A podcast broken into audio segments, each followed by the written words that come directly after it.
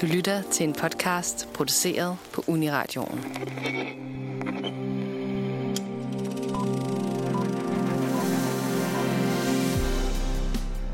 Torsdag den 11. november udkommer Titan. En kraftpræstation af den dygtige kvindelige instruktør Julia Ducournau.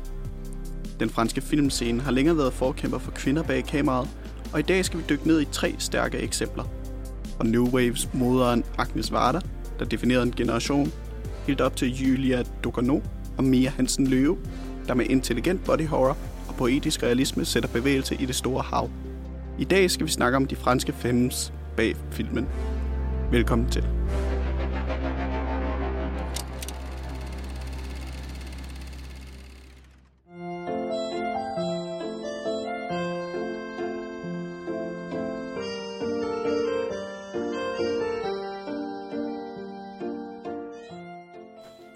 Til filmmagasinet Nosferatus filmpodcast, og i dag skal vi snakke om kvindelige franske instruktører. Øhm, der er jo premiere på Titan, Julia Døggernovs film, og Mia Hansen Løves nye film Bergman Island inden her for de næste par dage. Og øh, på Nosferatu, der er vi jo rigtig glade for franske film. Så vi har lige samlet en, en lille kerne af mennesker, der øh, vil knytte et par ord til både historisk set, hvordan Frankrigs kvindelige instruktører ligesom har udformet sig, og så også i dag som nævnt Julia Ducournau og Mia Hansen Løve. Hvad der er, der gør dem specielle, og hvorfor man skal glæde sig afsindig meget til at se deres nye film her. Men øh, jeg vil da lige starte med at introducere os. Med mig i studiet, der har jeg Christina Ja. og Ida, Hej. og jeg hedder August. Og jeg synes, vi skal starte med at høre dig, Christina. Fordi du har jo været øh, stor øh, sådan frontløber for, at det her program, det skulle ligesom iscenesættes. Så vil du ikke fortælle os noget omkring dit, øh, dit forhold til franske film? Jo, øh, det var faktisk sådan, da jeg skulle forberede mig på det, synes jeg faktisk, det var rigtig svært at finde de rette ord. Og jeg tror, det handler om, at det er noget, der virkelig ligger tæt til mit hjerte. Det er noget, jeg har en meget, meget stor passion for. Men det startede, da jeg ikke var specielt gammel, omkring jeg ved, 13 år, da jeg begyndte at se Bogart-programmerne i fjernsynet. Ole Mikkelsens øh, brillante programmer. Øhm, og han øh, har boet i Paris i rigtig mange år, og har stort kendskab og en kærlig, stor kærlighed til fransk film. Og øh, det smittede utrolig meget af. Hvad skal man sige, han introducerede nogle instruktører, nogle franske instruktører, som på mig, for mig øh, var filmkunst. Det var de her film, hvor det ikke handler om at underholde. De her film, hvor, det, hvor man har en stærk vision, og man også har et stærkt mod, og hvor man vil sprænge grænser og vil noget med filmkunsten. Øhm, og det han også gjorde, øh, Ole Mikkelsen, det var, at han havde hvert år en, en sådan special for Cannes. Og øhm, der var flere franske filminstruktører med øh, på Cannes Filmfestivalen. Og i trit med årene, årene går, så lærer jeg flere og flere at kende. Øhm, og på en eller anden måde, så... Jeg ved ikke rigtigt... Der er jo selvfølgelig er der jo filminstruktører, der bryder grænser i hele verden. Men på en eller anden måde, så synes jeg bare, at de franske instru- instruktører, de kan lige det ekstra. Og Ida? Øhm, ja, altså øh, mit forhold til fransk film er sådan lidt nyere, tror jeg. Øh, altså jeg har altid været meget, øh, meget forelsket i, i den franske stemme, og altså både reelt den deres stemme, deres accent, men også bare den, den, øh, den atmosfære, og de kan skabe franskmændene øh, i, i deres film, og, øh, og hvor, hvor bredt deres spektrum er i forhold til, hvad, hvad, hvilke film de laver, fordi det er jo virkelig fra sådan den ene yderlighed til den anden, så der er virkelig noget for, for alle, hvor man tænker, det her det er sådan lidt mere dansk, det her det er lidt mere italiensk, har også en, sådan en, en måde at lave film på, os, og amerikanerne selvfølgelig, og sådan, hvor jeg så bare franskmændene er sådan, øh, siden de begyndte, har det været fra, øh, fra alle hjørner. Øh, men øh, jeg tror, min sådan personlige forhold til Frankrig og den franske sådan stemning startede med Edith Piaf. Og det er jo overhovedet ikke noget med film at gøre, men, men det var ligesom hende, der fik mig ind i, i, i den verden. Øh, og så var jeg bare hugt på, på, på Frankrigs siden. Øh, også mine forældre, de spillede øh, Edith Piaf for min mor, da hun var gravid med mig. Så da jeg var baby, og da jeg var sådan helt lille, det eneste, der kunne få mig til, hvis jeg var sådan virkelig sur, eller eller bare græd over ingenting. Så satte de, de her sådan store, gamle sådan 80'er højtaler, der stod på gulvet med en pladespiller over i hjørnet i sådan en gammel øh, Istegade lejlighed der. Og så satte de mig foran højtalerne, Det var måske ikke særlig, særlig smart, men og, øh, og spillede et Piaf, og så blev jeg helt stille. Altså, jeg gik fuldkommen i, i koma. Ja, så hun har en eller, anden, en eller anden effekt på mig. Så der, der startede min, sådan, min kærlighedsaffære med, med det franske. Og, så, øh, og med filmene, der startede det måske med, med Godard, som jo er en virkelig øh, tour de force i, i, i den franske bølge. Men øh, den skal komme vi lidt tilbage til senere. Hvad med dig, August? Øhm, ja, jeg tror, jeg begyndte reelt at dyrke det franske her, da min, min kærlighed til film det blev lidt større, end hvad den havde før i tiden. Så for nylig er jeg begyndt at se langt, langt, langt flere film, end jeg har gjort de første mange år af min tilværelse. Øh, og det var faktisk et, øh, en lille sidekommentar til et øh, oplæg, jeg hørte omkring Extreme Cinema, hvor øh, Raw blev nævnt af Julia Ducournau, som vi også skal snakke om her om lidt. At jeg var sådan, det kan simpelthen ikke være rigtigt, at en film den skal være så svær at se. Så det tog jeg lidt som en udfordring. Og altså, det var totalt dumt, fordi at det er jo en svær film at se, men sidenhen så er det her så inspireret sådan, okay, men det var jo egentlig meget interessant filmværk, så hvad har Frankrig ellers at byde på? Og det kan jo både byde på Claire Denis og Agnes Varda og Godard og Jacques Demy og alle mulige andre, andre super, super dejlige mennesker. Ja, i dag skal vi jo... Der er mange franske øh, forfattere, skulle jeg sige. Der er mange franske instruktører at dykke ned i i dag, så i dag skal vi altså snakke om de, de stærke kvindelige instruktører. Så vi tager tre, øh, kan man sige, kraftspring af, af, af, af kvinder, der, øh, der satte en, øh, et aftryk i den franske filmverden. Til det kan man måske knytte det her med, at uh, Julia Ducournau vandt uh, de gyldne palmer i år i Cannes. Mm. Og uh, det er første gang, en kvinde vinder prisen alene. Jane Campion vandt den i 93, men der delte hun den sammen med en anden instruktør. uh, så det, det er fuldstændig grotesk at ja. tænke på, ikke? Øh, fordi der har været øh, kvindelige filminstruktører med i, i hovedkonkurrencen. Men der er en, der er en, ny, øh, der er en ny bølge på vej ikke, for, af franske kvindelige instruktører, som sådan baner vejen for, for en ny, ny måde at se. Ikke bare film om kvinder, men film af kvinder om kvinder og den kvindelige op, øh, oplevelse. Det øh, skal også lige øh, siges, at øh, Julia Ducournau, hun har været aktiv siden 2012, men det var først, da hun droppede sin mandlige instruktørpartner, at hun begyndte at vise pri- vinde priser for det. Så, uh... Get rid of your man, så går det. Ja. Ej. Og man kan sige, det er jo også lidt, altså det er jo ret særligt, det er en kvinde, der laver de her film. Altså det er jo ikke, jeg tænker mange vil, vil hvis de ser Raw eller Titan, vil de tænke, at den er lavet af en mand, på grund af dens vold og på grund af dens æstetik. Mm. Men, men sådan bør det jo ikke være. Altså. Nej, kvinder de kan øh, også være voldsomme. Absolut. Altså. Og det skal de også være. Ja. Vi skal snakke om hende lige om lidt.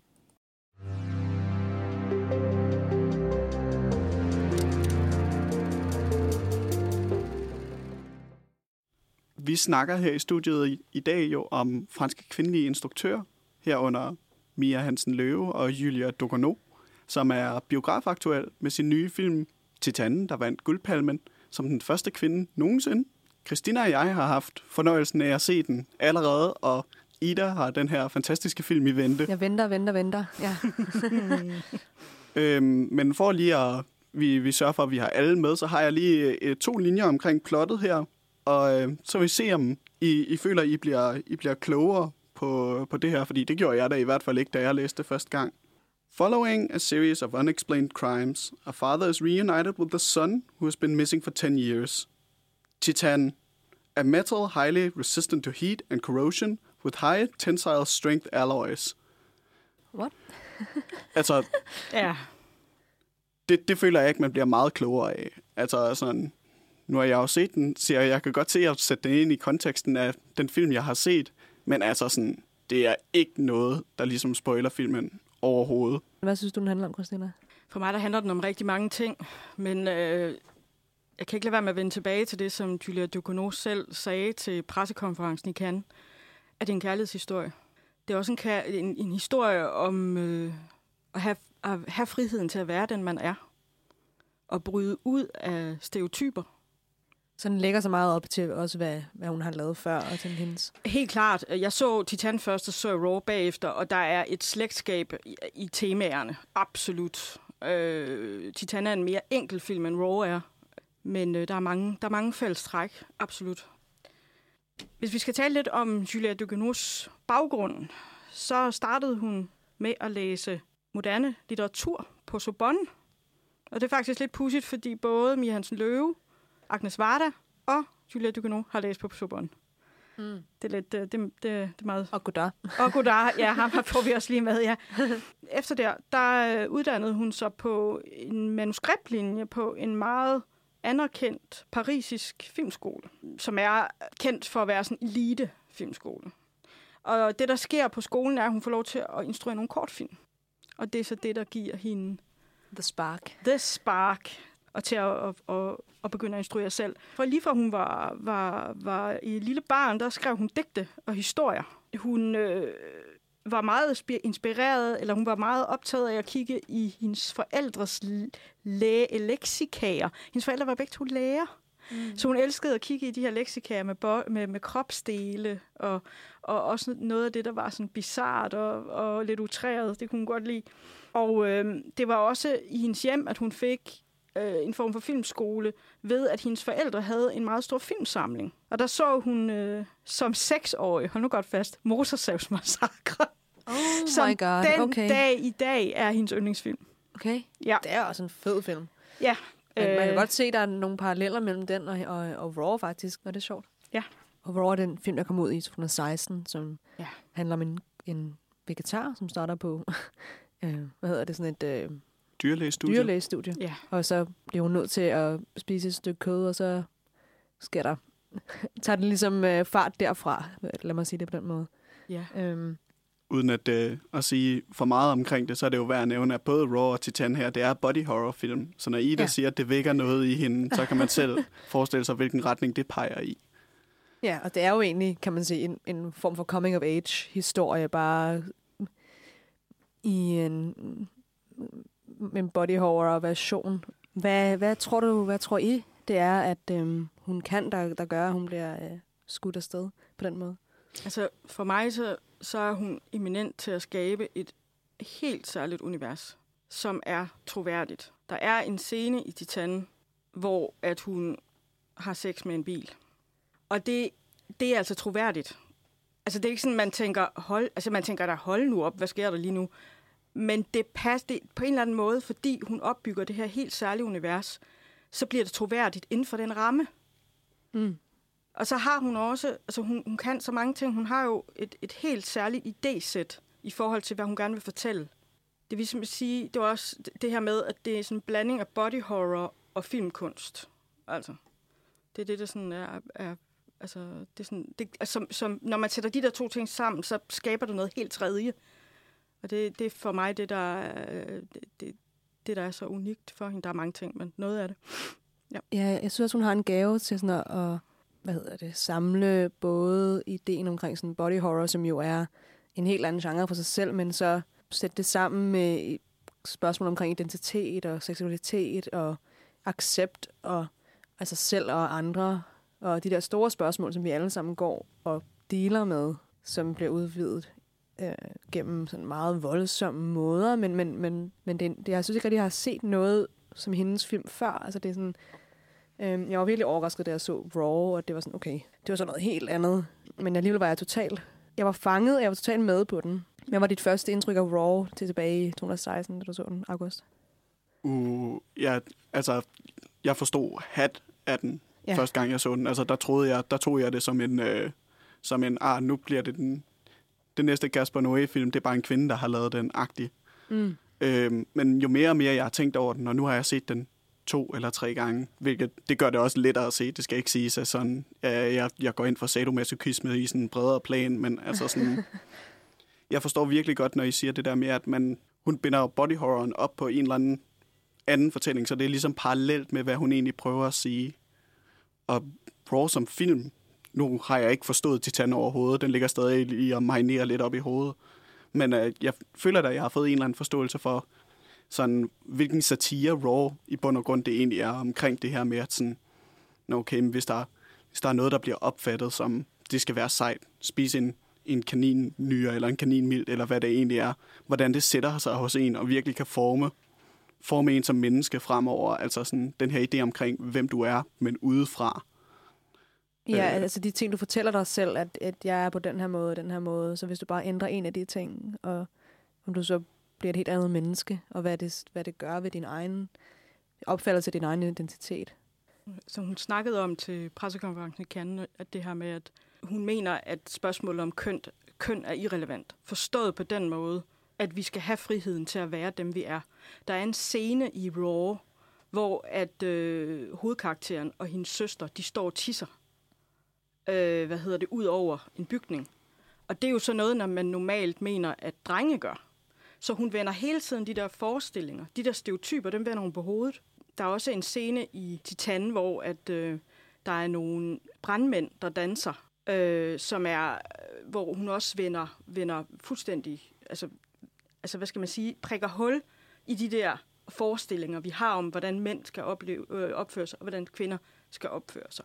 Og også over, over de to køn, ikke? Altså hun Jo. trækker det simpelthen op over. Jo. Der er et citat fra, øhm, fra en pressekonference også omkring Titan fra i år, hvor hun skriver, at, at hun siger, at jeg vil gerne snakke omkring kærlighed, som den måde, jeg kender kærlighed på, som er uh, unconditional and absolute love, altså Ubetinget kærlighed. ubetinget kærlighed, ikke? Ja. Absolut kærlighed over Ja. ja. alt andet. Ja. Øh, og kærlighed ud over seksualitet, ud over køn, køn både køn, seksualitet og, og re- reelt køn. Jeg tror, hun prøver, for mig i hvert fald, virker det som om, hun prøver at grave ind til også, hvad hun selv synes, tror er kærlighed. Måske ved hun det egentlig ikke selv. Eller sådan, hun prøver ligesom at, at finde ud af det igennem hendes film også. Ikke? Ja, der er sådan en, et, et, et snært af noget undersøgende i filmene. Altså, ja. Der er ikke nogen færdige resultater, eller der er, sådan, der, er noget, der er noget, sådan noget, hvad skal man sige, noget afsøgning af et eller andet, som jeg synes er, er, er spændende. Altså, da jeg så Titan, der kom jeg først til at tænke på David Cronenbergs Crash. Ja. Øh, men det, der er den helt store forskel på de to film, øh, det er, at øh, der er et stort bankende hjerte i øh, Titan. Det er der ikke i Crash. Crash, den er meget kold. Øh, en film, der handler om fremmedgørelse. Hvis man sådan skal pakke det, eller gøre det meget simpelt, så er det det, den handler om. Hvor at, at Titan, den, den har den her varme, og det, det er også det, jeg synes, der adskiller den fra Raw. Der er ikke den her kærlighedshistorie, eller kær, der er ikke den her, det her omkring kærlighed i Raw. Den er ret, langt mere kold. Og Julia Ducournau har også selv udtalt, at hun er meget stærkt inspireret af, af Cronenberg. Hun sagde direkte, okay. I worship Cronenberg. Mm. Fordi der var en, der sammenlignede hende med, med Cronenberg, og så fik hun helt tår i øjnene, fordi hun, det, det var meget stort at få det at vide. Det var også hendes debutfilm, ikke? Raw. Jo, det var det, og det er det, der er så... så, så øh, Det er noget af, et, du ved, en, en eksplosion at komme ud med der, ikke? Jo, og hende, der spiller hovedrollen i Titan, det er også hendes første spillefilm. Hun har kun indtil nu optrådt i kortfilm, og det er fuldstændig sindssygt, hvad, altså, hvad hun, hun... Altså, det er en kompromilløs præstation. Ja, det er et, et, et stort... Jeg glæder mig virkelig til at se, hvad hun, øh, hvad hun bliver, kommer videre med. Um, altså, ja, hun, kunne bare komme til... at Det virker som om, at du I, I begge to er mere fan af Titan end Raw, eller hvordan har I med den? Øh, personligt, der tror jeg stadig, jeg foretrækker Raw, men den Ja. har jo også haft nogle år ligesom at... at jeg har haft nogle år til at, til at gå og, og tænke over den. Men altså, under ingen omstændigheder er Titan en værre film. Jeg tror bare, når du skal ind og se den, så skal man lige justere forventningerne en gang.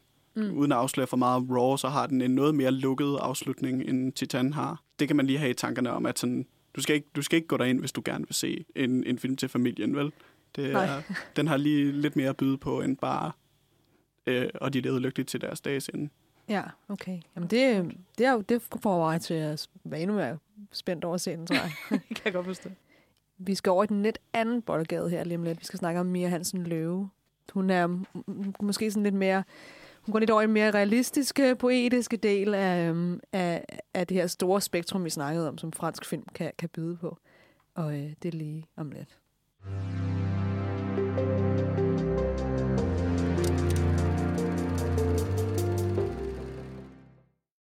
Mia Hansen Løve.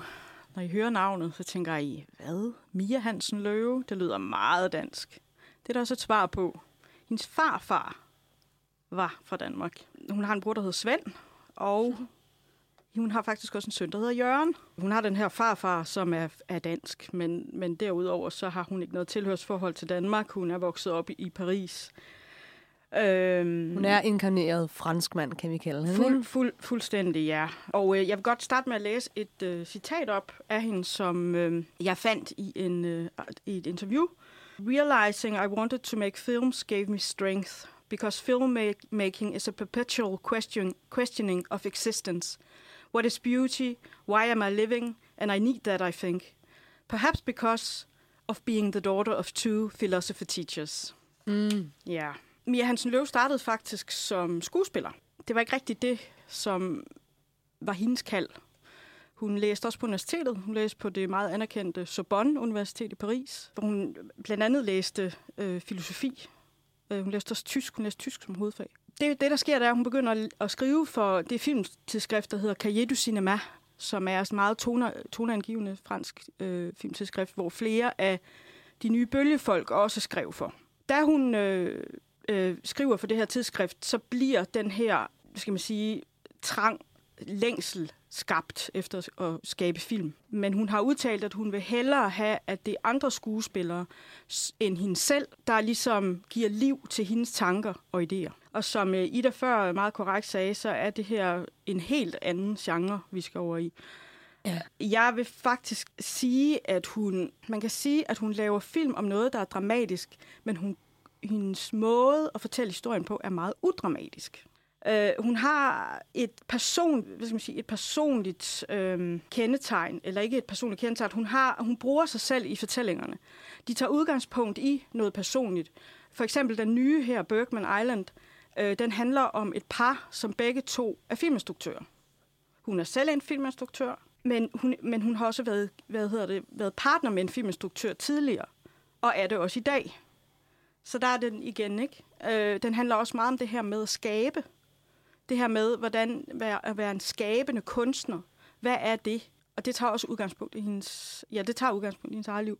Men man kan sige, at når hun først har sagt, okay, det, handler, det er de her temaer, det er også noget, der er centralt i mit eget liv, så sætter hun det frit. Så bliver det til fiktion. Hun er rigtig god til at forklare den kvindelige oplevelse, eller sådan det at være kvinden også. Altså ikke, at, at det alting handler om, om, om, eller hendes film handler om kvinder, men, men hun har alligevel en god måde, at meget nedtonet, og ikke alt for sådan overdramatisk, og sådan, så sker alle mulige sådan skøre ting, men hun har sådan en, ja, en måde at finde det, det exceptionelle i det mondæne på en eller anden måde, som er ret fantastisk. Hun, hun laver det, man vil kalde, jeg kalder antydningskunst. Ja. Altså hun, øh, der er rigtig, rigtig mange ting, der ikke bliver forklaret, men de bliver antydet. Og så er det op til dig selv, hvad du tager med hjem. Ja, den er god. Øhm, for eksempel så, øh, så, så er det sådan, at i en af hendes film, der hedder på dansk hedder Dagen i morgen, der øh, har hun arvet en kat af sin mor. Og øh, den her kat, den bliver hun ved med at, at skælde ud og synes er død irriterende. Men da den så bliver væk, så er det ikke sjovt for hende. Så, får, så, så bliver hun ked af det og, og går udenfor og lø, løber og leder efter den og sådan noget. Og det tror jeg er for at vise, at det er meget mere komplekst end som så, fordi den her kat, den på en eller anden måde er en forbindelse til moren. Mm. Øh, Så det bliver aldrig forklaret, men det bliver vist. Altså det er ofte sådan, at man følger, i ens film, der følger man en karakter, øh, for eksempel øh, i, i et år for eksempel. Og så, øh, øh, hvad hedder det, er man med dem hele dagen. Man er med, når, når, når de spiser, man er med, når de, øh, hvad hedder det, når de fejrer ting øh, i deres kriser. Men der er ikke noget, der bliver pustet op dramatisk. Det er alt sammen en del af den samme historie. Mm. Det synes jeg, hun er rigtig god i, i, i især også i dagen, øh, hvad hedder det, i dagen i morgen, eller hvad hedder. Ja, Øhm. ja. Lavinia hedder den på, på, på fransk. Ja, præcis. Hvor at, at det handler om en, en filosofiprofessor, som jo også, ligesom hendes forældre, var- ja. og har en meget stærk sådan, sammenligning med, med hende selv. Men øhm, den her idé om, det er en kvinde, som mister sin mand, og øh, nej, det forladt af sin mand, mister sin mor. Øh, så hun har, været, hun har været datter, hun har været hustru, hun har været mor, og nu skal hun ligesom finde sig selv. Hun er ret skøn, og øh, noget jeg lagde mærke til i hendes film, det er, at hun har en tendens til sådan at, at hendes karakterer er hele tiden på farten. Ja, Altså de hele tiden, de løber hele tiden, eller går ja. Rigtig hurtigt, eller de er hele tiden sådan i bevægelse. En, I bevægelse, ja. Ja, ja. Øhm, det ved jeg ikke, om er sådan en, en Men jeg tror, det er det her med, at hun vil gerne give en meget, meget stærk øh, fornemmelse af noget levet liv. Det, jeg synes, det er utrolig luksus at være med, få lov til at være sammen med de her skuespillere, så, eller, eller de her karakterer så længe. Der er også noget andet, der er fælles for, for, for mange af de karakterer, hun skaber, det er de skabende karakterer, og de karakterer, der har et kald. Ja. Øh, den ene, han er filmproducent. Den, den anden, som hendes mor også var, øh, filosofiprofessor. Og den sidste, øh, der er det to filminstruktører. Særligt er det kvinden, der er central i, i historien. Ikke? Jo. Ja. Og hun så er filosofiprofessorens billede af Isabel Hubert, som jeg jo bare er så forelsket i. Så altså, det Ja. var bare, det er virkelig en, en af de, øh, det er så god kobling, de to kvinder der. Fuldstændig. Det har bare gået op i en højere enhed. Øh, ja. Hvordan, du var ret glad for dagen i morgen, ikke, August? Øh, jo, jeg havde fornøjelsen af at se den i går. Mm. Så øh, jeg vil bare lige øh, knytte en kommentar til, hvad du sagde omkring det der med kvinder i bevægelse. Fordi at, øh, det følte jeg nemlig også var sådan en af tingene ved filmen, hvordan den ligesom binder sig op på strukturen. Så øh, hun har løbet, løbet, løbet i et forsøg på at være både hustru og mor og datter samtidig. Men det er først, når hun så endelig kommer ud på, den, på en gård og får tid til ligesom at sidde ned og snakke filosofi, at hun ligesom får en bredere idé af, hvem hun selv er. Ja, det er rigtigt. Det minder jo faktisk om den samtale, vi lige har haft, Christina, for, Ja. for nogle øh, par timer siden. At øh, jeg fortalte, at jeg havde set en pressekonference på med New York Film Festival med Isabel Humberg og, og Mia Hansen Løve, hvor der var en, en person i, i publikum, som stiller sig op og spørger, stiller spørgsmål omkring... Nu kommer der en spoiler for slutningen af dagen i morgen, øh, så, så ved I det.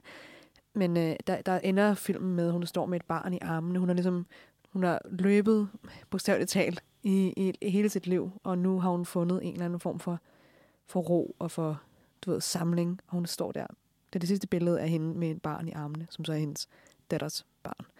Øhm, og der spørger han Mia Hansen Løve, hvorfor har hun, øh, hun har brugt hele sit liv på at du ved, chase den her drøm, og nu står hun, og nu ender hun med et barn i armene og står der, og hvad skal hun gøre ved det? Hvor Mia Hansen Løve kigger på ham meget længere og sådan, øh, så man kan ikke være succesfuld kvinde og have et barn på samme tid. Og der snakkede vi nemlig om, at sådan, han har jo totalt misforstået ideen, ikke? Som du sagde, Christina, at, at, øh, at det handler jo pr- pr- præcis som du siger, August, om, at, at hun endelig finder et sted, hun, hun hører til, at hun føler, at, han, at nu har hun fundet sig selv, i, som hun har let efter så længe. Når hun snakker om det her, nu har hun fået, hun, altså faktisk i en scene, hvor hun besøger, grund til, at hun er øh, der i bjergene, det er fordi, hun har et venskabsforhold til en tidligere elev. Og øh, han er flyttet øh, ud i det franske bjerge og skriver filosofiartikler og øh, laver ost. øh, hvad Livet. hedder det? Ja, og øh, ham, Det er bare så fransk, som noget kan være. ham besøger hun nogle gange i løbet af filmen. Der er meget, meget smukke, smukke scener, men der siger hun på et tidspunkt, hvor han har hentet hende på stationen, jeg har den absolute frihed nu. Øh, og mm. i øvrigt, det er endnu et eksempel på det her med, hvordan at, at ting ikke bliver pustet op øh, sådan unaturligt dramatisk. Det er vidderligt talt bare et venskabsforhold, det her. Det er meget dybt, og de er meget tætte, men der er ikke noget med, at så skal de, øh, hvad hedder det, have en affære eller et eller andet. Overhovedet ikke. Det er, øh, det, det er en del af historien, at de har det her tætte, øh, tætte venskab. det var også super rart som seer, fordi at jeg frygtede ja. rigtig, rigtig meget, at de skulle til at være sådan, nu skulle filmen også til at kommentere på det der med at date nogen, der var 25 år yngre end en selv, ja. eller ja. hvor gammel han nu er. er. Så jeg blev så lettet, da jeg fandt ud af, okay, men de har bare tænkt sig at snakke filosofi og hygge sig. Ja. Altså, Ja, jeg synes også virkelig, hun har en, øh, hun har en gave for Mia Hansen Løve at lave kvindelige roller, som ikke bare er sådan umiddelbart sådan stærke, nu det er bare super stærke kvinder på scenen, og nu har vi, ej, nu har vi lavet en du ved, kvinderolle. Det er bare en reel, bare en, en rolle, som så også er kvinden. Mm-hmm. Altså, det synes jeg er, er fedt at se. Altså, og han er også bare en mand. Eller, du ved, det, det er bare mennesker på den måde. Lige præcis, og der har hun jo faktisk nogle samme, der har hun, har hun jo nogle fællestræk med Julia Ducournau. Helt det der klart. med, at vi skal være dem, vi er. Vi skal ikke lade os spænde ind af, af stereotyp, forestillinger om stereotyper og normer. Vi skal være dem, vi er. Øhm, og det, er, det synes jeg er så smukt, som det kan være. Altså. Ja, hun er, hun er, hun er fed. Men øhm, jeg skal måske lige knytte nogle, nogle kommentarer til den nye film, der, der mm. kommer nu her. Øh, det, der er lidt særligt ved den, det er, at øh, hun første gang øh, arbejder engelsksproget. Hun har, hun har lavet en film i 2014, der hedder Eden, hvor der er nogle scener i New York også. Men det er første gang, hun arbejder med engelsksprogede skuespillere. Og øh, jeg var ret spændt, da jeg skulle se den, fordi en stor del af hendes film er jo også det franske sprog og den franske kultur. Men den her film, den foregår på Fordø. Og Fordø, hvis folk ikke kender det, så var det Ingmar Bergmans hjem i rigtig mange år, og det var også der, hvor han lavede nogle af sine store mesterværker. Den her film, den handler om et par, øh, som begge to er filminstruktører, og de tager til Fordø. Jeg skal sige, Fordø, det ligger øh, 6 minutter i færge fra Gotland, bare lige så folk de sådan cirka ved, hvor det er. Øh, men de skal besøge, øh, de skal besøge Fordø, dels fordi de skal arbejde. Det er rent faktisk muligt, at man kan, kan hvad hedder det, søge om at få lov til at arbejde i nogle af de huse, som Bergman han ejede på øen. Øh, men de skal også deltage i det, der hedder Bergman Vækkeren, som er en uge hver år, hvor at man hylder Bergman, og der kommer forskellige instruktører. Men, men det, som, som, som den handler om, den handler om det her par, som altså, som på en eller anden måde øh, har et meget forskelligt forhold til det her med at skabe, og det her med at, at skrive og forme kunst. Hun har rigtig, rigtig, rigtig svært ved det. Og han skriver nærmest manuskript på fem minutter. Mm. Øh, så det handler den om. Øh, men den handler også om det her med at være et, et par, hvor begge er skabende. Og så det, der også er spændende, det er, at hun, hun, hun gør noget nyt, og det, det er, at hun, hun laver en mere eksperimenterende form. Øh, den, jeg så den i starten af oktober, og der er stadig nogle ting, jeg ikke helt forstår i den. Hun leger med det her med, med fantasi og virkelighed. Og så til slut vil jeg også lige sige, at jeg synes faktisk, det fungerer utrolig godt med det engelsksproget. Jeg synes, hun formår at lave den samme stemning, hvor hun behandler noget meget dramatisk, men på en meget udramatisk måde. Ja, okay, det, det er jeg glad for at høre, for det, det ja. er virkelig en, uh, altså, en accomplishment ja. at, at kunne ja. det, ikke? Og især når man går fra to, altså to sprog, som selvfølgelig er ja, engelsk kommer også fra fransk, men, men det er vel to meget forskellige stemninger, man skaber på fransk og på engelsk. Altså, og, og, så det, den glæder mig til at se.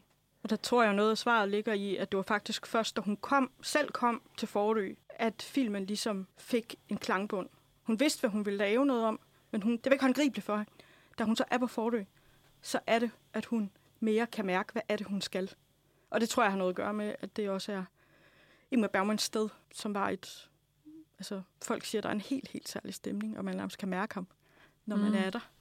De sover faktisk i den øh, seng, hvor senere fra et ægteskab er det rigtigt? Blev, øh, blev ja. optaget. Mm-hmm. Ej, det er sjovt. så den leger også, altså det hele tiden var det der med, med, med, den leger meget med det her med, med virkelighed og fiktion, ikke? Det er utroligt spændende. Ja. Også bare lettende det der med, at man, man kan bare se, hvordan det er gået med folk som Kim Ji-woo og Wong Kar-wai, når de endelig tager ud for at lave noget engelsk sproget at det så endelig er, er lykkedes. Altså sådan, øh, og endda også med stemningen, der ligesom er trukket over på trods af sproggrænsen. Jeg tror, hun har fundet nogle... Jeg tror, noget af det handler også om, at hun, at hun altså virkelig har... Altså, hun har fundet nogle, nogle skuespillere, som magter det her. Og det er Tim Roth, den ene af dem, og Vicky Krips, den anden. Så er der forskellige skuespillere fra Sverige og også en fra Norge og sådan noget. Så det er ja. sådan et internationalt cast. Det er meget spændende det, det glæder mig til at se. Men de, de deler faktisk også noget, med Hansen Løve og Bergman, i deres sådan, måde at skildre empati, eller de har en eller anden sådan, dyb, empatisk øh, ja, stemning, synes jeg, de to øh, instruktører. Det er også noget det, hun har snakket om, det er empatien til sine karakterer, som driver hende. Ja. Man mærker en meget stærk empati med karaktererne, og får os, synes jeg, en stærk empati med karaktererne. Men det betyder ikke, at de er idealiseret eller fejlfri. Tværtimod, så synes jeg, at de slår sig utrolig meget på livet, og de er faktisk til tider ret irriterende. og det synes, jeg er, det synes jeg er rigtig befriende. Som mennesker også er irriterende jo nogle gange. Ja, ja, ja. det er det. Og det her, det, det resulterer faktisk i, at det bliver utrolig ægte. Mm. Der er sådan en følelse af noget utrolig ægte øh, i hendes film, som så er kombineret med den her meget lette måde, hun fortæller det på. Og de to ting, de danner noget helt tredje, som er, er meget svært at beskrive. Man skal faktisk se det for rigtig at kunne fornemme det, synes, synes jeg. jeg. både med hende og Jules Ducano, at man kan ikke rigtig forklare Altså, det er så svært at, at forklare, hvad det egentlig er, de kan. Altså, ja. vi, kan jo, vi kan jo komme med alle mulige ting, at de, de, de har det med at, at gøre brug af de her, de her elementer, og, og de kommer for, kommer for de her stemninger osv., men, men de er exceptionelle på den måde, synes jeg, de to kvinder der, fordi på hver, på sin, hver sin, fuldkommen hver sin måde, har de en, en måde at at fortælle noget om det at være menneske på, som, som er ret eminent. Ja, jeg synes jo, at det her med ikke at kunne sætte ord på, hvad det er, de kan, hvad er det, der gør det så specielt, hvad er det, der gør, at man vender tilbage til det igen og igen, fordi det er meget gådefuldt. Det er ja. jo kendetegnet ved stor kunst. Og det er noget, der er kendetegnende ved alle de franske instruktører, jeg bliver ved med at vende tilbage til, og som, som jeg holder utrolig meget af. Og det er jo også det, der er med, med fransk film, ikke? at de, for dem, der er film og kunst er den samme kategori. Der er ikke bare, det er ikke bare kunstfilm, men for franskmændene er film kunst. Øh, og der er ikke ligesom en, en underkategori i film, der er sådan kunstfilm. De har ligesom sådan, de, de, de sætter det på, på, på en pedestal på en måde, som er, at de tager det meget alvorligt. Mm. Og, og det er ret skønt. Altså, det, det er jo, og det er jo ikke bare doom and gloom og kedeligt og, og obskurt og, og, og du ved, helt ude i Godard-agtige øh, film. Øh, men som, så alle kan, kan finde en fransk film, de, de holder af. Mm. Og de har en, øh, ja, det er en, øh, det er en dejlig verden at, at, at træde ind i. Jamen, det talte vi jo også før, den der utrolig spændevide, der er i, i det, de kan. Ikke? Altså, det, det er jo helt utroligt, hvor, hvor bredt det spænder. Jeg synes, der er også noget, der er meget kendetegnende. Det er, der er to instruktører, to danske instruktører, som har haft rigtig, rigtig svært ved at blive anerkendt i Danmark. De er det til dels, men ikke, ikke for alvor. Og det er Carl Theodor Dreyer, og det er Lars von Trier. Og hvor er de elsket henne? De var fra starten elsket i Frankrig. Mm. Alle Lars von Triers film, eller lige, lige fra starten, da Lars von Trier han startede med at lave film, alle hans film har ikke været med i Cannes. Men rigtig, rigtig mange har været med i Cannes, og hans første film var med i Cannes. Ja. Ikke også? Det, Og det, det, det, er altså, det er altså ikke tilfældigt. Der er bare meget højere til loftet. Øh, det snakker vi også om før, det der med, der er ikke så mange dogmer. Altså, du kan, du kan, der er fri leg. Du gør, hvad du vil. Ja. Og det synes jeg er, er så befriende. Og der er, øh, og der er lov til det. Altså, Ja. man, at der, er sådan en, der er virkelig legerum, som du siger, og der er plads til bare sådan, go effing nuts, og bare sådan, du ved. Så, øhm, så det er rigtig spændende. Vi kan jo ikke, øh, vi kan ikke snakke om franske kvindeinstruktører, for, uden at gå lidt tilbage til, til 50'erne og snakke om den store øh, øh, kvinde inden for fransk film, og det er Agnes Varda, som, øh, som vi kommer ind på lige om lidt.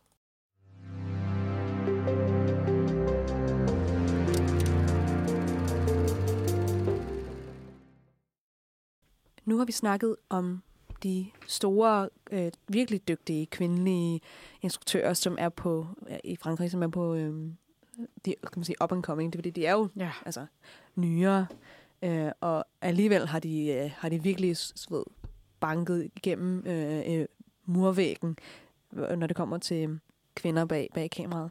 Når man, når man tænker på fransk film, så tror jeg, at mange vil tænke øh, obskur, måske lidt underlig, Ja. Godard, øh, ja. øh, French New Wave. Og, øh, og det er der en god grund til, fordi det var jo en meget stor bølge, der kom der i slut 50'erne. Ja, det var jo en, det var jo en bevægelse, som... Det var, det var nærmest storm ud over hele verdens, filmverdenen, ikke? Altså Jo. i forhold til, øh, hvad man kan på film. Og noget af det, som, som, som den også gjorde, det var, at den, den inspirerede til et andre dele af verden. Øh, tænker på sådan en instruktør som Woody Allen, for eksempel, eller Ja. Eller en instruktør som, øh, som Roman Polanski, og der er rigtig mange forskellige, som Helt op til Tarantino nu, ikke? lige, lige præcis, øh, som, som blev inspireret øh, derfra. Ja, og der tænker mange måske på Godard og, og Truffaut, som Ja. jo er to store Ja. øh, mandlige øh, instruktører, som virkelig banede vejen for den nye franske bølge, der er New Wave i... Um, Nouvelle Vague, som Nouvelle hedder på Vague. fransk. uh, oui, oui. Um, men en anden øh, stor som stjerne i, i, i, i den øh, trio, det er en kvinde, der hedder Agnes Varda, Ja. som faktisk kom før, altså hun lavede film før Godard og Truffaut, som, og øhm, der er også nogen, der siger, at, at altså, de havde ikke banet vejen igennem, hvis hun ikke havde været der. Man kalder hende faktisk moderen af, af nybølgen, og var ligesom den, der ligesom identificerede den, den, den bevægelse.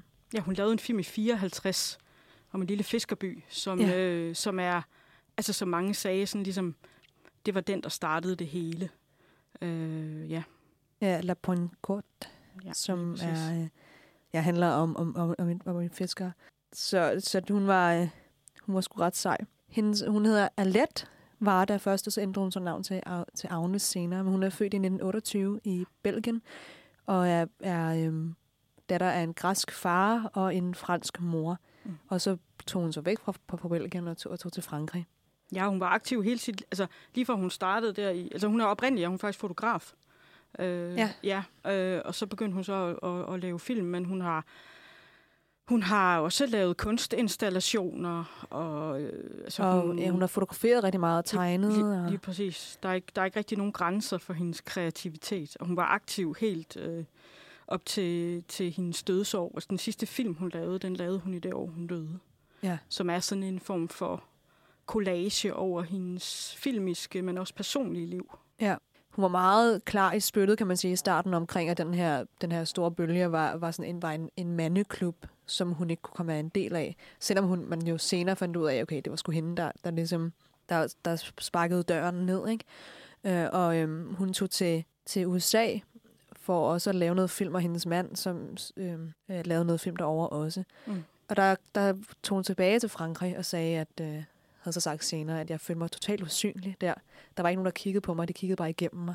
Hun har været meget øh, politisk, og sådan, hun mm. er meget sådan, radikal i hendes, i hendes øh, sådan, politiske statements i hendes, i hendes film. Hun, hun er sat ligesom øh, dagsordenen på den måde, og hun har også, ligesom øh, Dugano og Hansen Løve, så snakker hun meget omkring grænserne ud over kønnet. Mm. og, og seksualitet og, og identitet, og, og hvad, det, hvad det egentlig betyder.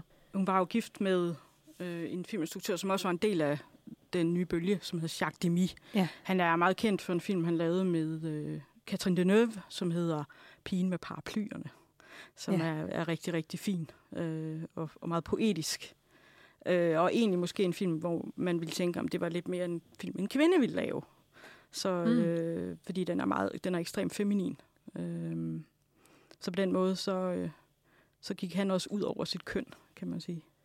Ja, på den måde var de, altså de, de passede godt sammen på den måde, ikke? Jeg tror også, at de virkelig støttede hinanden, virker mm. det som om. Mm. Øhm, I 1977, der lavede hun en film, der, hun, som hun havde kaldt øh, den feministiske musical, som hedder uh, One Sings, The Other, other Doesn't, uh, som også var ligesom Hansen Løve, også handlede lidt om, om ikke handlede om hendes eget- hendes eget liv, men var i hvert fald inspireret af nogle oplevelser i hendes eget liv med hendes søn.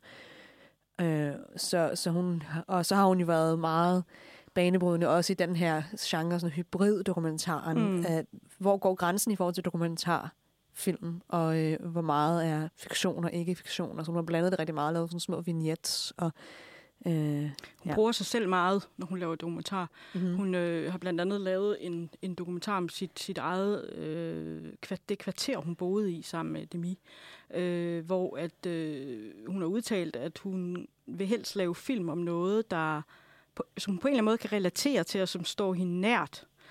Øhm, og den, det er som en, en film, som handler om det her kvarter, hvor hun filmer folk i bageren, og hun filmer bageren, der står og, og laver baguette. Og, og øh, det, det, hun har den her tese om, at intet er banalt, hvis det er filmet med kærlighed og empati. Mm. Og det synes jeg, det synes jeg er rigtig, rigtig spændende. Og jeg synes, hun, altså, hun er så kompromilløs, og hun har den ja. her lejende tilgang. Hun er ikke bange for noget. Hun tænker, eller hun, hun var ikke bange for noget. Hun tænkte ikke, ej, det her, det må vi ikke, og det her, det er for meget, eller et eller andet. Hun havde sådan en, hun havde sådan en fri øh, tilgang til det at lave kunst, som jeg virkelig er, er helt øh, lamslået over. Ja, sådan F-systemet-agtig øh, Ja, tilgang, sådan virkelig. øh, Screw the Man-agtig. Virkelig.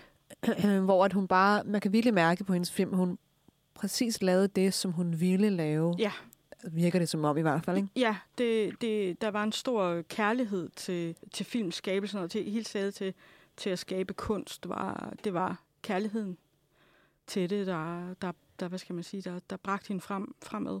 En af hendes meget kendte film, som jeg tror er sådan den, man tænker på, når man tænker Agnes Varda, er Cleo from, from 5 to 7 fra, 19, fra 1962, Mm. som øh, man kalder sådan Vardas film hvis man skal akkreditere hende, øh, en af hendes store værker. Som handler om, om en kvinde, der bliver øh, diagnostiseret, eller hun venter i hvert fald Hun på. venter på svar. Hun venter på svar om. Ja. om en diagnose for kræft. Så hele filmen handler bare om hende, der går og venter. Og venter. Ja. Ja, og det, det, jeg, jeg øh, har hørt hende fortælle om den i den sidste film, hun, øh, hun lavede, som jo er den her collage over alle de film, hun har lavet. Øh, og der fortæller hun om, at hun godt vil arbejde med objektiv og subjektiv øh, tid. Mm. Og det er det her med, at objektiv tid, det er øh, minutterne, der går, dagene, der går, årene, der går. Men den subjektive tid, det er den måde, det føles på.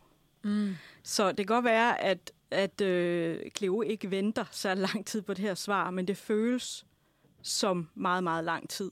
Ja. Øhm, og hun, hun havde en intention om at filme frygt. Hvad frygt var. Og det gjorde hun kraftigt med. Frygtens, Ja. frygtens væsen. Og, og så Og samt, uvidenheden også, ikke? Altså usikkerheden om det. ja, samtidig så synes jeg også, at det er interessant det der med, hvordan hun ligesom også har sådan en lethed over det. På den måde er der musik, den der sådan Mm. franske, sådan lidt chanson, øh, pop-agtige ting i Ja. også. Det, det er en spændende kontrast, synes jeg. Og det sætter også spørgsmålstegn ved, sådan, ved, ved vores... Er der sådan, hvad, hvad jeg vil, hvis jeg sad, og- altså, hvad vil jeg gøre? Altså, Ja, hvad vil jeg bruge ja. min dag på? Jamen, jeg synes faktisk, at det, hun har, jeg synes, at, at, at hun har så meget spændende udgangspunkt. Hun har, hun har sagt, at man skal have et standpunkt, når man tager kameraet op og filmer. Mm. Det, det er noget, hun bruger altid, når hun arbejder, synes jeg. Uh, hun har lavet i, eller hun lavede i 85 en film, der hedder Vagabunden. Det, oversættelsen direkte er sådan noget med uden tag overhovedet, ingen lov. Og den følger en kvinde, øh, en hjemløs kvinde, på vejen. Øh, og, og den følger hende, hvordan følger hende i hendes hverdag, hvordan får hun mad, hvor sover hun, øh, hvad er det for nogle mennesker, hun møder. Og øh, noget af det, som Agnes Varda gør, det er, at hun har sådan en meget bramfri måde øh, at, at filme den her kvinde på. Det er en kvinde, som ikke opfører sig, som kvinder bør, og slet ikke øh, i forhold til, at den er fra 85. Øh, det er en kvinde, som er bramfri, det er en kvinde, som er modig, det er en kvinde, som gør, hvad hun har lyst til. Øh, og på den måde, så synes jeg, at hun, hun har sådan et meget feminint blik på Ja. karakteren. Mm. Øh, og et meget fordomsfrit blik. Og så er den også sådan en dokumentarisk, øh, en snært og noget dokumentarisk i formen, fordi man starter faktisk med at se, den her kvinde er blevet slået ihjel. Eller hun Ja. er ikke blevet slået ihjel, men hun, hun- man starter med at se hende død. De finder hende død på en mark. Den foregår ud på landet. Og så er det, resten af filmen er et, et langt flashback, hvor at man ser scener med hende, men du ser også folk blive interviewet om hende. Altså om, hvem, hvad var hun for en karakter? Forskellige mennesker, som har mødt hende på hendes vej. Øh, og det giver den sådan en snært og noget dokumentarisk. Øh, ja. Det er næsten som sådan en mockumentary-agtig, Ja, sådan ja. true crime. Det er faktisk skarpt, ja. Så, ja, fordi man, men det er det første billede, man ser, så det er jo en, øh, det er jo ikke en spoiler, for det er det første, man ser i filmen. Det, Det, er, det, det er det lige præcis, og jeg synes også, der er faktisk også nogle, nogle altså jeg kom til at tænke på den måde, hun fortæller på, øh, jeg har nogle ligheder med Mia Hansen Løve. Altså Ja. det er ikke det her med at puste det unaturligt dramatisk op. Altså det er meget nøgternt, og det er meget observerende. Øh, og igen, at vi, vi, vi øh, antyder. Hun antyder. Øh, hun overdramatiserer ikke. Selvom det jo er en dramatisk fortælling, at den her kvinde lever meget sårbart og meget udsat, øh, kvæg hun er, øh, hun er hjemløs. Hun har et øh, meget slidt telt, hun bare sover i. øh, Ja, den hedder Song to din Louis på ja. Ja. fransk, og øh, Vagabond på, på engelsk, og Vagabond ja. på, på dansk også. Øhm, jeg, jeg, var ret, øh, jeg var ret vild med den film, faktisk. Øh, og det er jo sådan en, på en eller anden måde, sådan, øh, det, det er en trope, der er blevet brugt senere også, det der med, at man ser, øh, hun, den, hun dør til sidst, agtig ideen. Det, det samme, de gør i Moulin Rouge. Altså, der starter hun med at, starter han med at se She, She's Dead. Mm. Så hele filmen har sådan en melankolsk øh, overtone, fordi man ved, at hun kommer til at dø. Og, og det gjorde hun der i 85. Fordi det er, det er et virkelig voldsomt billede. Det første, man ser, hun ligger der og frosset ihjel ikke? I, i, øh, i den der grøft i, ved siden af vejen. Lige meget, hvor kan man sige, mondænt det er, det hun laver. Hun går og samler vand forskellige steder og møder mennesker og får noget mad af dem, kommer ind og bor hos dem en gang imellem og frem og tilbage. Og sådan. Men fordi man ved, at hvor det ender, så øh, er alt, altså alt bliver øh, forhøjet eller højnet på en eller anden måde, så man tænker også over, sådan, okay, hvad, hvilke dele af mit liv kigger jeg på, som, som øh, det er den, fordi man bruger meget af sit liv på, på at, at, at skabe minder, man, man vil huske, når man, når man dør. Ikke? Så de der de små, små minder, der måske ikke betyder så meget i, i momentet, men, men som man kigger tilbage på. Så det er en, en ret rørende, rørende film, synes jeg. Det er en meget modig film, synes jeg. Også det her med, at det er en kvinde, som spiller den hjemløse, ikke? Jo. Øh, det synes jeg også, eller en, en kvindelig vagabond. Altså, det synes jeg, der er, er ret progressivt. Hun har, øh, Agnes Varda har udtalt, at hun, det hun ville med den, det var, at hun ville filme frihed og snavs, Ja. har hun sagt, ikke? Og, øh, og at det er Mona, ja, som er hovedkarakteren, hedder Mona, det er hendes vrede, der holder hende i live. Øh, og det mm. synes jeg også, man meget man mærker Altså hun har sådan sidrende vrede igennem, øh, igennem hele filmen. En anden ting, som jeg også holder utrolig meget ved, eller holder utrolig meget af ved den her film, det er, at, øh, at den er så kompleks. Der er sådan nogle, der er også sådan nogle observationer omkring samfundet. Hun har sådan nogle sådan lidt filosofiske tanker, eller, ja. eller diskussioner med en, øh, med en, faktisk med en filosof, som lever som bonde, omkring det mm. der med, hvad, hvad, er det, altså, hvad er frihed, og hvordan er det at leve på, på gaden, og, og hvad er det for et liv, man gerne vil have. Og, og der er også sådan nogle små poetiske passager med nogle karakterer, der siger, der siger sådan nogle, har så meget poetiske udsagn. Og det, det giver sådan en sjov øh, dobbelthed. Ja, der er også på et tidspunkt, hvor hun sidder inde i den der, øh, hun sidder inde i sådan en campingvogn, og så er der en, der åbner. Er det ham, der kan det, kan ja, det er, det er ham, ham der er bunden, ja. ja. ja. Og så, så siger hun sådan, hvad vil du? Og når du skal ud herfra, og du laver ikke noget, og bla bla bla. Og så siger han, øh, siger han jeg, jeg går bare min egen vej. Og så siger nej, du eksisterer ikke. Du er her slet ikke. Du er ikke noget. Så det der med ideen om, sådan, skal man være tilknyttet et samfund i, på den måde, for at være en person, øh, for at overhovedet eksistere. Øh, og, og, og det siger han så, det, du eksisterer slet ikke, du er ingenting. Det var sådan en throwaway line på en eller anden måde. Mm, ikke? Der er ligesom mm. det. Og så gik, blev hun så smidt ud. Øh, og så skal hun så videre på sin rejse for at finde nye steder, hun kan overnatte og så videre. Ikke? Jeg synes også, der, der er sådan meget ubehagelig stemning i den, fordi man kan mærke, at hun aldrig rigtig får ro. Hun kan jo aldrig slappe af. Der er jo ikke noget sted, hun kan tage... Altså, hun, der, hun, hun har mange steder at tage hen, men hun har ikke nogen steder, hun hører til. Det er også den her idé ja. om, hvad er et hjem? Altså, hvornår, ja. hvornår er man hjem? Er det noget, man er hele tiden på vej til, eller er det noget, man kan skabe selv, eller er, er et hjem overhovedet en ting? Altså, ja. ja. Øh, det der med at høre til, og, og hvad betyder det egentlig?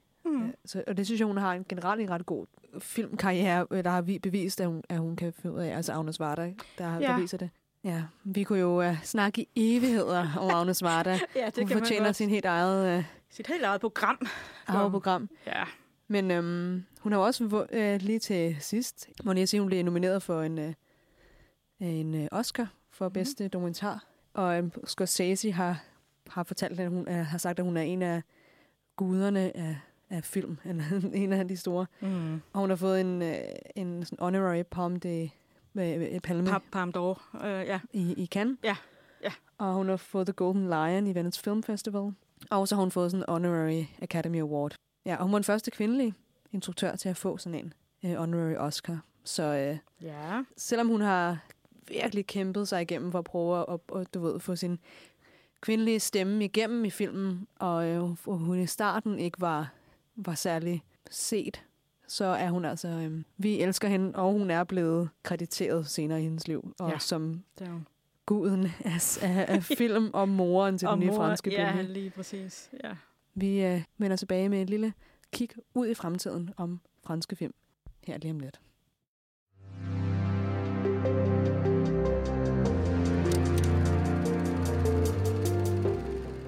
Nu har vi været rundt om de tre store mastodonter, kan vi sige, inden for, i hvert fald tre af dem, ja. inden for øh, kvindelige franske instruktører. Men, øh, men der er jo mange film på vej i, i fremtiden, som vi gerne vil, som vi glæder os vildt meget til. Så jeg vil starte med at smide den over til dig, Christina. Hvilken film glæder du dig til at se?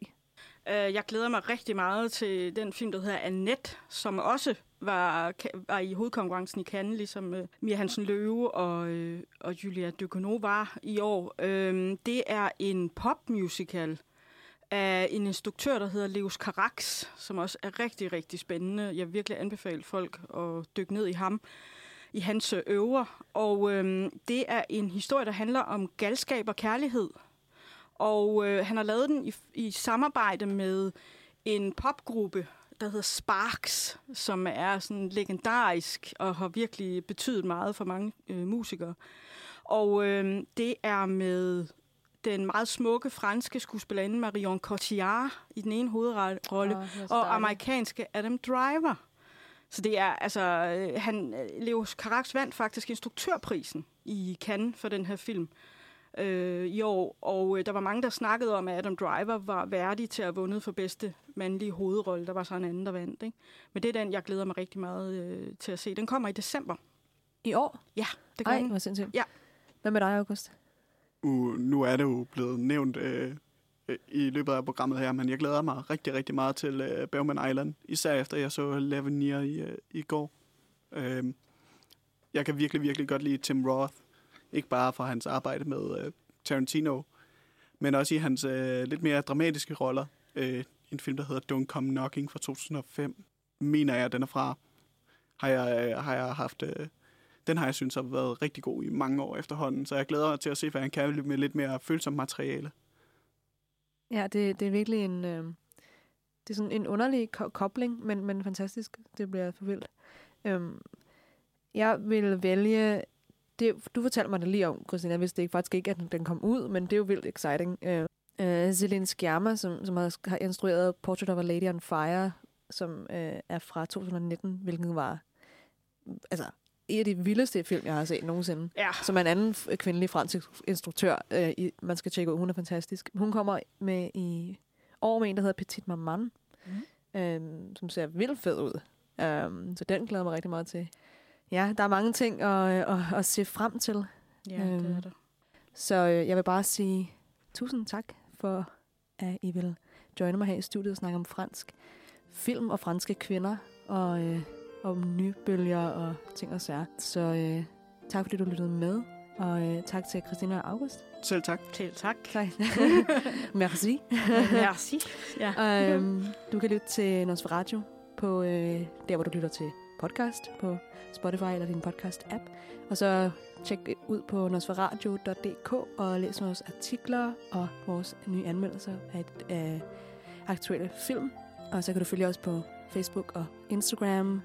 Og øhm, husk, at der er øh, quiz i Studenterhuset hver sidste mandag i hver måned, og øh, hvor du kan få vinde præmier. Og øh, så vil jeg bare sige au revoir. og tak for i dag.